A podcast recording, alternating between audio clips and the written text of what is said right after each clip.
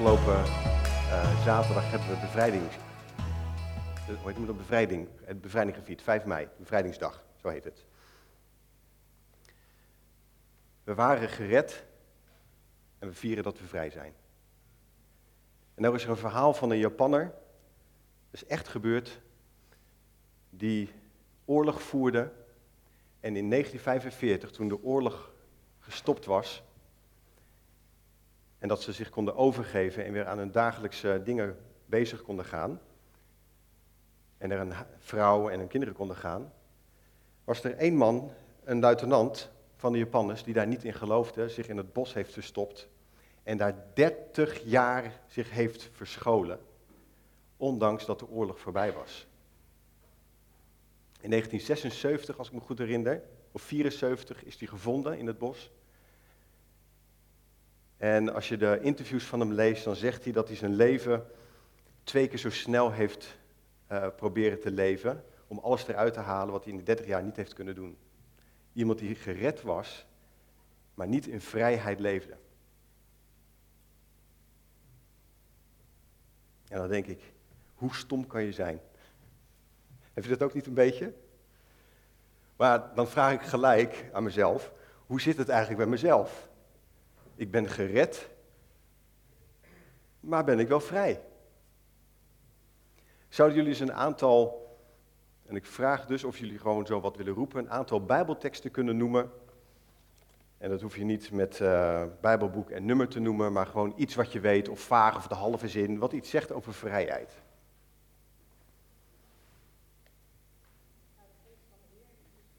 Mooi, maar de geest van de Heer is de vrijheid. Wat nog meer? Romeinen 8, vers 1. Er is geen veroordeling in geen wat zeg je? Als er lief had God de wereld.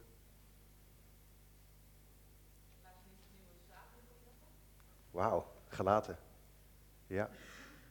Laat je niet opnieuw een slavenjuk opleggen. Eenmaal andermaal. Ja, prachtig. Ja, wacht de eerste dia. Gelaten 5 vers 1. Christus heeft ons bevrijd opdat wij in vrijheid zouden leven. Houd de stand en laat je niet opnieuw een slavenjuk ophouden. Opleggen.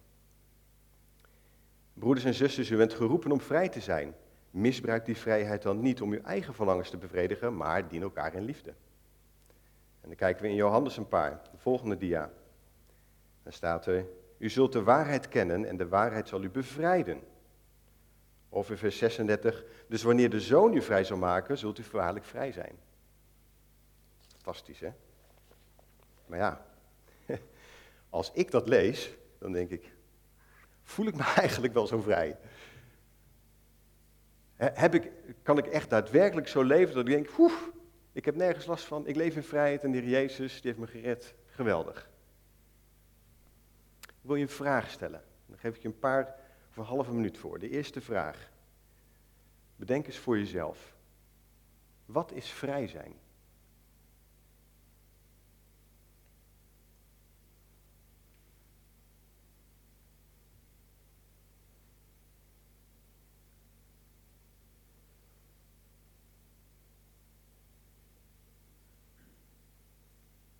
De volgende vraag. Waar ben ik vrij van? Denk daar eens over na voor jezelf. Waar ben ik vrij van?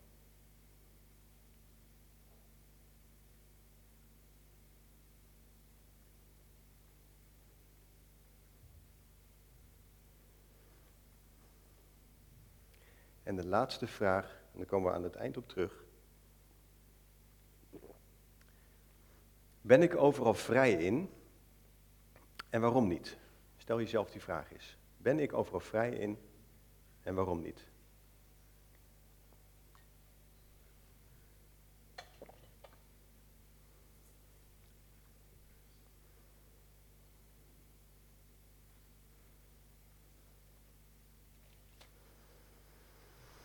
Ik wil graag samen met jullie op zoek in deze 20, 25 minuten hoe we meer vrij kunnen worden. Is dat oké voor iedereen? Ja? Oké. Toen ik 16 was, nee, 15, 14, 14, 15, toen heb ik mijn leven aan de Heer Jezus gegeven. Ik ben super enthousiast geworden over de Heer Jezus. Ik vertelde iedereen over de Heer Jezus. Uh, toen ik 17 was, ben ik twee jaar lang elke donderdagavond ben ik naar Utrecht of naar Amsterdam gegaan om het evangelie te vertellen aan mensen, aan junkies en aan handelaars en weet ik veel wat allemaal. En op een gegeven moment in dat proces ben ik heel erg met mezelf geconfronteerd en dan kwam ik erachter dat alleen maar halleluja, prijs de Heer zeggen mezelf nou niet heel veel bracht, want ik had heel veel dingen meegemaakt in mijn leven waar ik mee moest dealen. Een van de dingen, en daar kan ik, ik pak één dingetje uit, een van de dingen die ik me in die jaren eigen had gemaakt, was dat ik vond dat roken zonde was. Even uh, voor de goede orde, mocht je hier roken, ik zeg je niet dat je niet mag roken of dat het zonde is. Oké? En dat meen ik ook serieus. Heeft iedereen dat goed gehoord? Geen veroordeling. Oké? Oké. Maar wat ik deed, was dat ik zo daarin geloofde dat als ik mensen zag en die aan het roken waren, dat ik ze veroordeelde. En je gelooft het of niet, maar eigenlijk dacht ik, ze lopen zo recht naar de hel. Dat was toen nog mijn beeld daarover. Toen ik 21 was, of in die periode, heb ik een, een aantal vrienden gehad en één docent die, die iets in mij hadden, tegen mij hadden gezegd over hoe ik was. Ik was altijd vrolijk, altijd blij. En die zeiden, volgens mij ben je op zoek naar liefde. Volgens mij schreeuwt je hart om liefde. Uh, zeg je wel dat je nergens last van hebt, maar is dat wel zo? kan ik uren over vertellen, maar wat het bij mij resulteerde was dat ik met mezelf aan de slag moest. Een van de dingen waarvoor ik gekozen heb in die periode, is dat ik een pakje sigaretten heb gekocht om aan mezelf te laten weten, ik ga echt niet naar de hel als ik een sigaretje rook. Ik ben vrij om te doen en te laten wat ik wil. Ik hoef me geen slavenjuk op te leggen. Dat heb ik jaren gedaan. Tot vier jaar geleden, denk ik. Drie jaar geleden. En tot acht jaar geleden, of negen jaar geleden, ging ik heel erg bezig met het horen, het verstaan van Gods stem. Uh, en kreeg ik op een gegeven moment zo'n stemmetje van dat, ik het idee had dat ik hoorde dat God zei: Maarten, ik wil dat je stopt met roken. Ik denk, ja, dat was mijn referentiekader. Ik was zo opgegroeid dat dat zondig was. Uh, ik had zelf al die beelden en dergelijke. Ik ben aan het afglijden. Nee, natuurlijk niet. Ik mag gewoon lekker roken. Maar dat bleef maar knagen. En dat ik toch voelde van, hé, moet ik hier wat mee? Dus wat ik toen gedaan heb, nadat Maaike ook daar natuurlijk de balen van had dat ik wel eens stonk naar uh, rook, is dat ik geprobeerd heb om te stoppen. Want ik rookte één, hooguit twee sigaretten op een dag. Nou, is toch niet veel, toch? Nee, dan ga je niet meteen naar dood. Eén keer door Rotterdam heen rijden op de fiets en je hebt veel meer afvalstof in je, longen dan, uh, dan zo'n sigaretje. En toch voelde ik dat God tegen me zei, ik wil dat je stopt.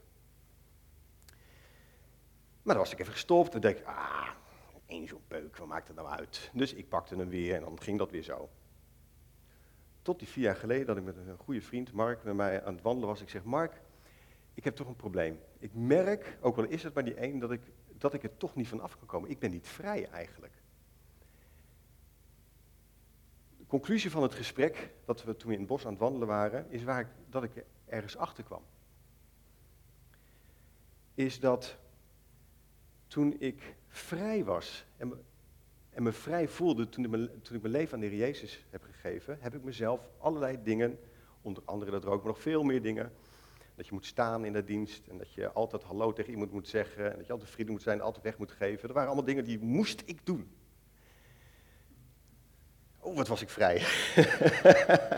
maar ik dacht echt dat, dat, dat ik daar vrij in was. En dus toen ik die sigaretten kocht, was dat voor mij een symbool ik ben vrij. Dus, en dat, heeft me zoveel moeite gekost dat ik die sigaret in mijn mond neem. Oh, nou ben ik zondig. En ik moest me door blijven. Nee, dat is overdreven. Nee, maar, eh, maar het, het, het, heeft bij mij wel iets om, omgebogen. Ik was, en op een gegeven moment voelde ik me echt vrij. En in mijn levenswandel ben ik gaan lopen en ontwikkelde die vrijheid zich in het recht dat ik die sigaret mocht roken. Daar kwam ik achter vier jaar geleden. Dus daar waar ik vrijheid had, had ik het zelf omgebogen in, maar dit is wat ik mag. En weet je wat bijzonder is? Vanaf het moment dat ik, dat ik ontdekte, het heeft helemaal niks te maken met verslaving of het heeft te maken met iets hier interns, dat ik, dat ik de vrijheid die ik heb gekregen omgebogen heb tot een recht. En dat God nu heel persoonlijk tegen mij zegt, dus nogmaals niet tegen degene die hier roken, misschien ook wel, maar dat is niet mijn boodschap, hè? Maar toen heel persoonlijk tegen mij zei, ik wil dat je dit opgeeft voor mij.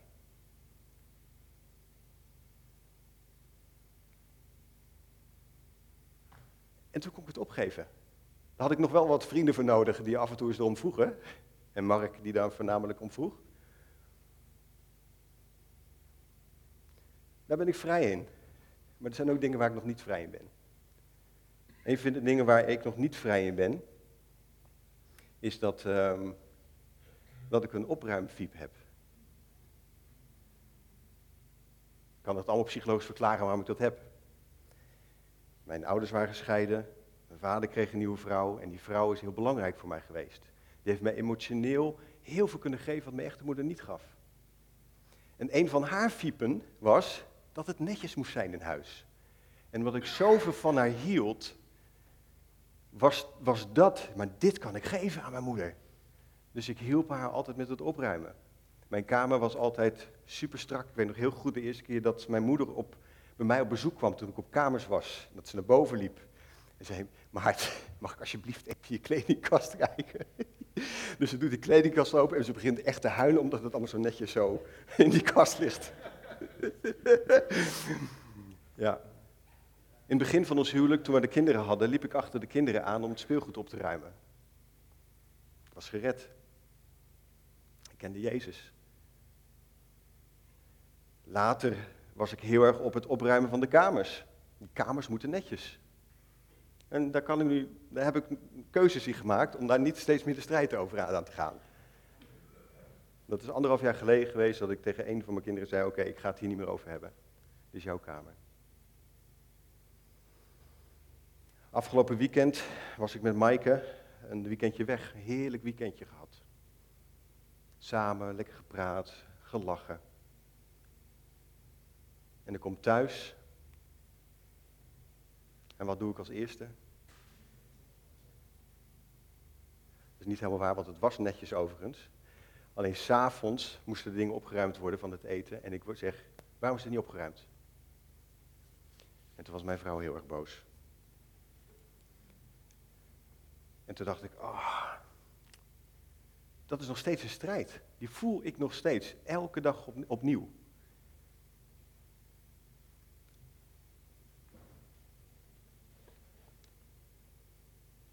En zo hebben we ook een vrouw in de Bijbel.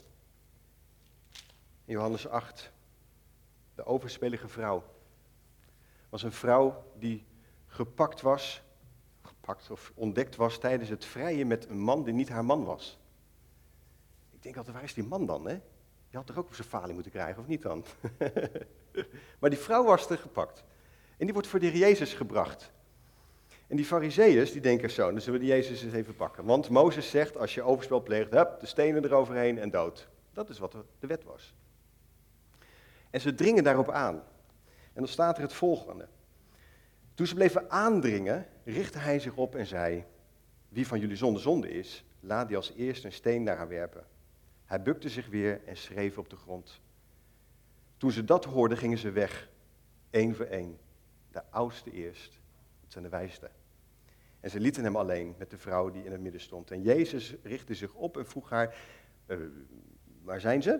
Heeft niemand u veroordeeld? Nee, niemand, heer. Ik veroordeel u ook niet. Amen. Ga naar huis en zondag vanaf nu niet meer. Wat doen wij als, als we weten dat iemand overspel pleegt? Dan denk ik dan dat het er is. Dan heb ik nog geen eens gezien, ik heb het geen eens ontdekt. Ik sta niet in die slaapkamer, maar ik weet ervan. Wat voor oordeel is daar in mijn hoofd? Jezus zegt, joh, ik veroordeel niet. En er zijn een aantal dingen die me opvallen uit eh, deze tekst. Wist je dat als mensen gestenigd werden, werden ze niet alleen met stenen gestenigd, maar ook met zand? Dus ik zie het al voor me, dat de Heer Jezus, die krijgt die vraag en die grijpt naar de grond. En iedereen is natuurlijk heel benieuwd wat hij op die grond schrijft. Dat weten we niet. Dus ze denken ook, oké, hij gaat haar toch vervloeken. Want zand stond ervoor van het, het verdoemen van iemand. Van je bent niks, je bent het stof der aarde. Je bent demonisch, je bent niks voor mij waard. Dat betekende zand. En dan denk ik, Jezus was gewoon iets aan het schrijven over die vrouw. Je bent prachtig, je bent fantastisch. Ik weet dat je vervloekt bent, maar het maakt niet, mij niet uit. Ik veroordeel jou niet. Je bent geweldig. Je hebt misschien wel zo'n dorst naar bevestiging in je leven, maar ik ben het levende water. En dan zegt hij, ga naar huis en zondag niet. Dus ga naar huis en zeg niet, bid eventjes of doe eens even dat. Hij zegt eigenlijk, hij zegt dus niet, joh, fix even je probleem en kom dan bij mij. Of, hè, dat zegt hij dus ook niet tegen jou. Hij zegt ook niet, gedraag je eerst en kom dan bij mij. Hij zegt, verberg je niet, iedereen heeft schaamte. Heb je problemen, dan gaan we ze samen aan. Maar weet, ik heb je gered. En dat is zo bijzonder over het, het zondig niet meer. Het woord zondig, het Griekse woord is hamarotmo. En dat betekent in het Engels missing the point. De plank misslaan. Dus als Jezus zegt ga naar huis en sla niet de plank mis, wat zegt hij dan eigenlijk tegen haar?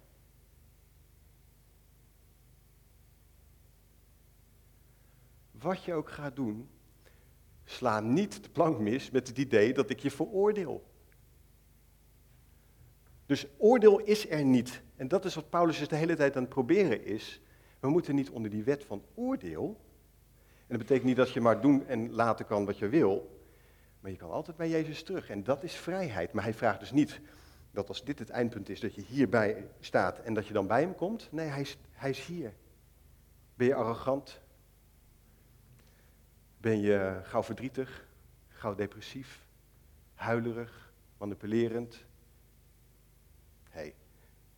Dat weet Jezus wel. Hij veroordeelt je niet. Wat is mijn beeld van God? En mijn beeld van God doet ook heel veel met hoe ik naar mezelf kijk.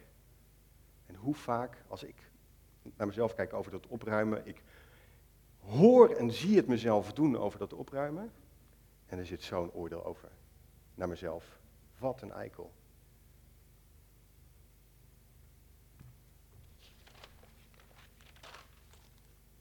Mijn vraag aan jullie. Die vrouw hoort, wauw, ik ben gered. Ik mag naar huis.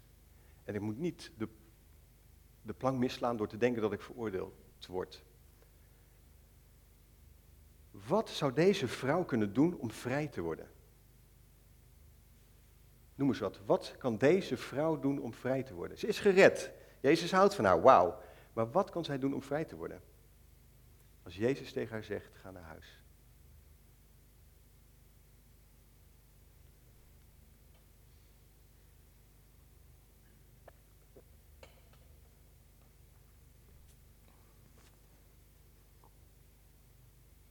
Wie of wie? Wat zei je? Liefhebben, mooi. Zichzelf en anderen, ja. Ja?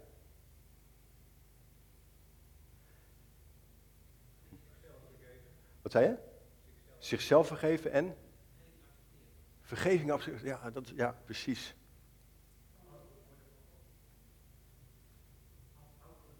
Afhankelijk worden van God. Waarheid spreken. Ik ben die mevrouw. En ik ben op weg naar huis. Ik ben gered. Ik ben niet gestenigd. Ik ben niet vervloekt. Mijn portemonnee is leeg. Ik voel me afgewezen. Ik ga toch naar die man. Of die vrouw, ik weet niet met wie ze deed. Ik ga, ik ga toch mezelf geven. Nee, ik moet. Ik, oh, zie je wel, ik ben zo slecht. Maar welke beweging is ze aan het maken? Ze is richting haar huis aan het lopen.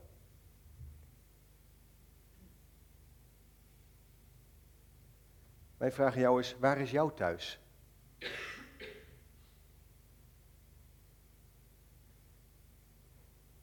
Waar sta jij nu? Van het moment dat de Heer Jezus zei, je bent gered. Wat ben jij soms arrogant, maar ik hou zoveel van je. ik wil een paar dingen met je mee, aan je meegeven, hoe, waardoor je vrij zou kunnen worden. Is dat oké? Een paar tips. Oké? Denk niet in goed en fout, maar stel jezelf de vraag, is het wijs? Helemaal in Genesis, toen hebben wij gezegd, wij willen als God worden. En wij leefden in de eeuwigheid. En toen zeiden we, ik neem een vrucht en ik zet mij onder de boom van kennis van goed en kwaad. Oordeel. Is het goed of is het fout? En met goed of fout kan je heel veel wegrationaliseren namelijk. Want als je die in die, in ik, noem maar even wat, hè. Dat is ook een van die dingen daar waar ik altijd de keuze in moet maken. Ga ik nou wel naar de McDonald's of niet? en dan heb je die dikke vette hamburger en je hebt trek, je hebt honger. Is het goed om te eten? Ja, toch? Is het wijs? Hmm. Wat zei je? Ja, jawel. Ja, ja, dat, ja die kan je helemaal uit de context halen natuurlijk. Maar waar brengt me deze hamburger over 10, over 20, over 30 jaar? Het is natuurlijk niet die ene hamburger, hè? Maar of, um, net zoals met het roken bij mij, ik rationaliseerde dat weg door te denken, ja, maar een referentiekader, dat is God niet. Dat heb ik gewoon meegekregen dat het zondig is en het is niet zondig. En dat is het ook niet misschien. Maar God vraagt wel aan mij om te stoppen. Tweede tip. Kijk niet naar links of rechts, noem ik dat. Dat betekent, als ik naar links kijk, dan voel ik me beter dan de ander. Ha, die rookt tien sigaretten en ik er maar één.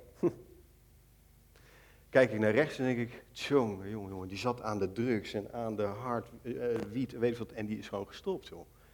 Oh, oh.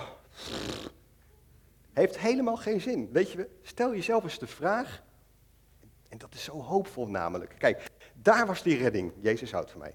En ik ben op weg naar iets te worden wat Jezus van me wil maken. Want hij vroeg niet dat ik niet meer arrogant was hier. Hij zegt, wil je een beweging maken richting mij? En dan gaan we samen op weg om die arrogantie, de boosheid, die, de, heerlijke, als dat voor jou ook geldt, roken of hamburgers of uh, ruzie of wat dan ook. En als je nou eens nu bedenkt, waar je nu staat, is het toch veel leuker om te bedenken en jezelf de vraag te stellen, waar sta ik nou ten opzichte van gisteren? Waar sta ik ten opzichte van een jaar geleden? Wow. Oké, ja, dat is God, want dat kan ik zelf niet. Want als ik om me heen ga kijken, dan voel ik me nooit voldoen. Of ik ga juist boven andere mensen staan en dan ga ik oordelen. En dat is nou juist wat Jezus niet doet. Daar zit het karakter van Jezus in. Vraag aan jou. Leidt de weg die jij bewandelt waar jij naartoe wilt?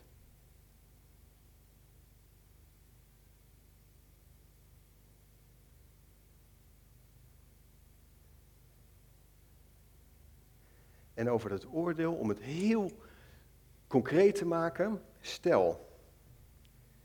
Um,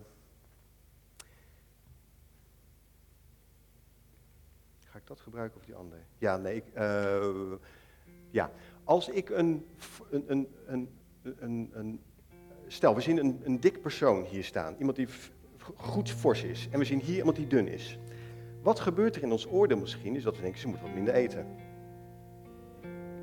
En tegen die dunne denken nou, die heeft het goed voor elkaar. Dat is helemaal niet belangrijk. Het is veel belangrijker om te weten en te bedenken, waar staat die persoon eigenlijk? En misschien was die dikke persoon, die komt hier vandaan, waarin ze alleen nog maar verdriet had en pijn en moest eten. En is ze op weg om hier en daar wat los te laten. Terwijl die dunne denkt, wat de piep dit leven joh. Lekker, hey, drugs, hey man, gek, ik ga iedereen kapot maken, man. Alsjeblieft, oordeel nooit. Had je dat verhaal over het roken, had je gedacht dat het te maken had bij mij over het feit dat ik dat echt moest doen om los te komen van mijn wetten die ik had opgelegd, had je nooit kunnen bedenken. Toch? Wat zeg je? Ja. Dus wat kan ik over iemand anders zeggen? En Jezus doet het al helemaal niet. Die zegt, hey man, I love you.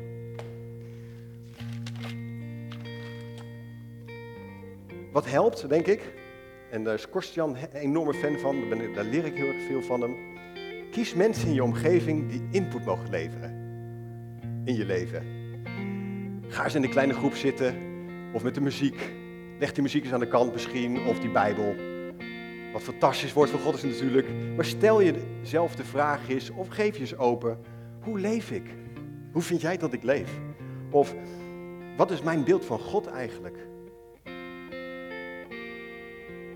Als je beeld van God is dat hij niet van mensen houdt die zelfmoord plegen, zoals Hans, dan kom je aardig in conflict met je beeld van God.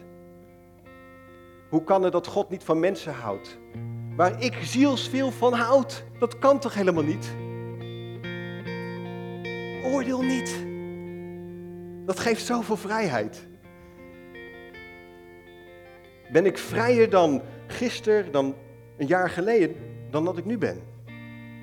Stel jezelf eens de vraag, en dat doe ik heel vaak. Ben ik een goede moeder? Ben ik een goede vader?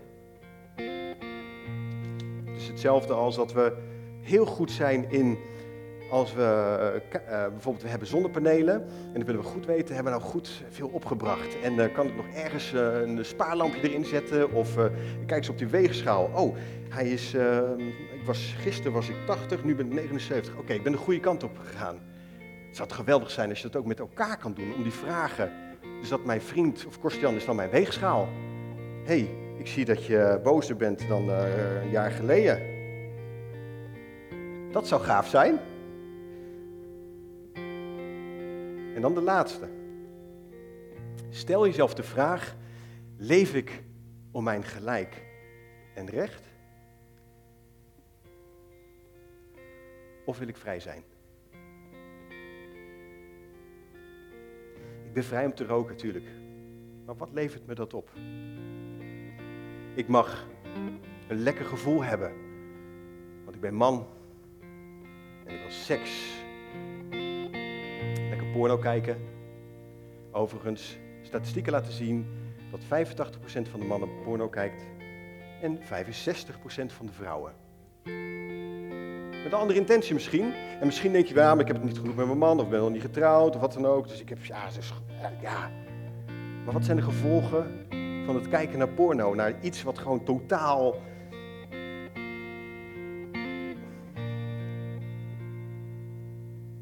God oordeelt daar niet over dus, hè? kan je bijna niet geloven. Want dan zit je achter dat beeldscherm en denk je, oh, ik dat doen? En dan voel je je schuldig en dan kan je niet meer, en dan weet je, en dan baal je van jezelf. dan gaan we naar tip 3 die we net hadden. Vraag input van iemand anders. Financiën. Ik heb recht op een goede auto. Maar zit ik nou zo vast dat ik die elke euro per maand moet uitgeven aan die lening van die auto?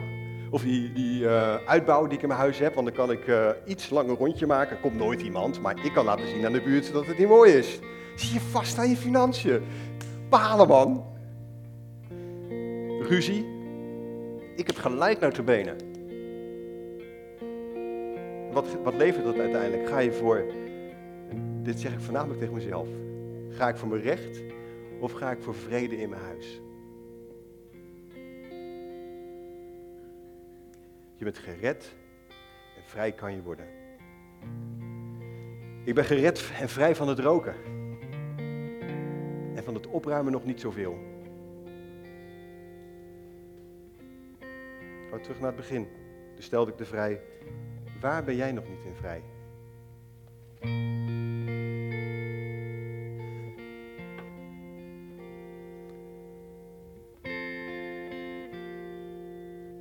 Weet wat Jezus is. Het Johannes-evangelie staat vol met de volgende opmerkingen. Ik ben het brood des levens. Heb je honger? Naar meer, naar meer, naar meer. Jezus oordeelt niet en hij zegt, hé, bij mij heb je nooit meer honger. Jezus zegt, ik ben het levend water. Dus heb je dorst naar dingen, naar identiteit. Dit ben ik. Dan zegt Jezus, hé, hey, het is oké. Hier ben ik. gaan we samen op weg. En dan vervangen we al die cola, we het, bedoel ik dus uh, figuurlijk, voor het levend water. Ik ben het licht. Heb je, geen, heb je duisternis? Hé, hey, ik heb helder zicht. Ik wil met je meekijken. Ik ben de deur. Voel je je opgesloten? Als waar in een kamer waar geen deur is? Zegt Jezus, ik weet het. Hé, hey, als we een deur nodig hebben, ik ben er. En door mij kan je altijd heen. Je hoeft niet vast te zitten. Ik ben de goede herder. Ik wijs jou niet af, ik leid jou. Ik ben de opstanding en het leven. Is de dood in je, op welke manier dan ook. Bij mij is er leven. Ik ben de weg. Dus ben je radeloos en weet je niet waar je naartoe moet? Hé, hey, dat weet ik. Ik ga met je mee. Ik ben de ware wijnstok. Voel je dat je geen vruchten kan leveren? Dat je onvruchtbaar bent in de dingen waar je goed in bent? Of misschien wel letterlijk? Hey, dan heb je mij nodig. Ik ben de ware wijnstok. Ik ben de waarheid. Er is geen leugen. Waarin ben jij nog niet vrij? Want gered ben je en vrij kan je worden.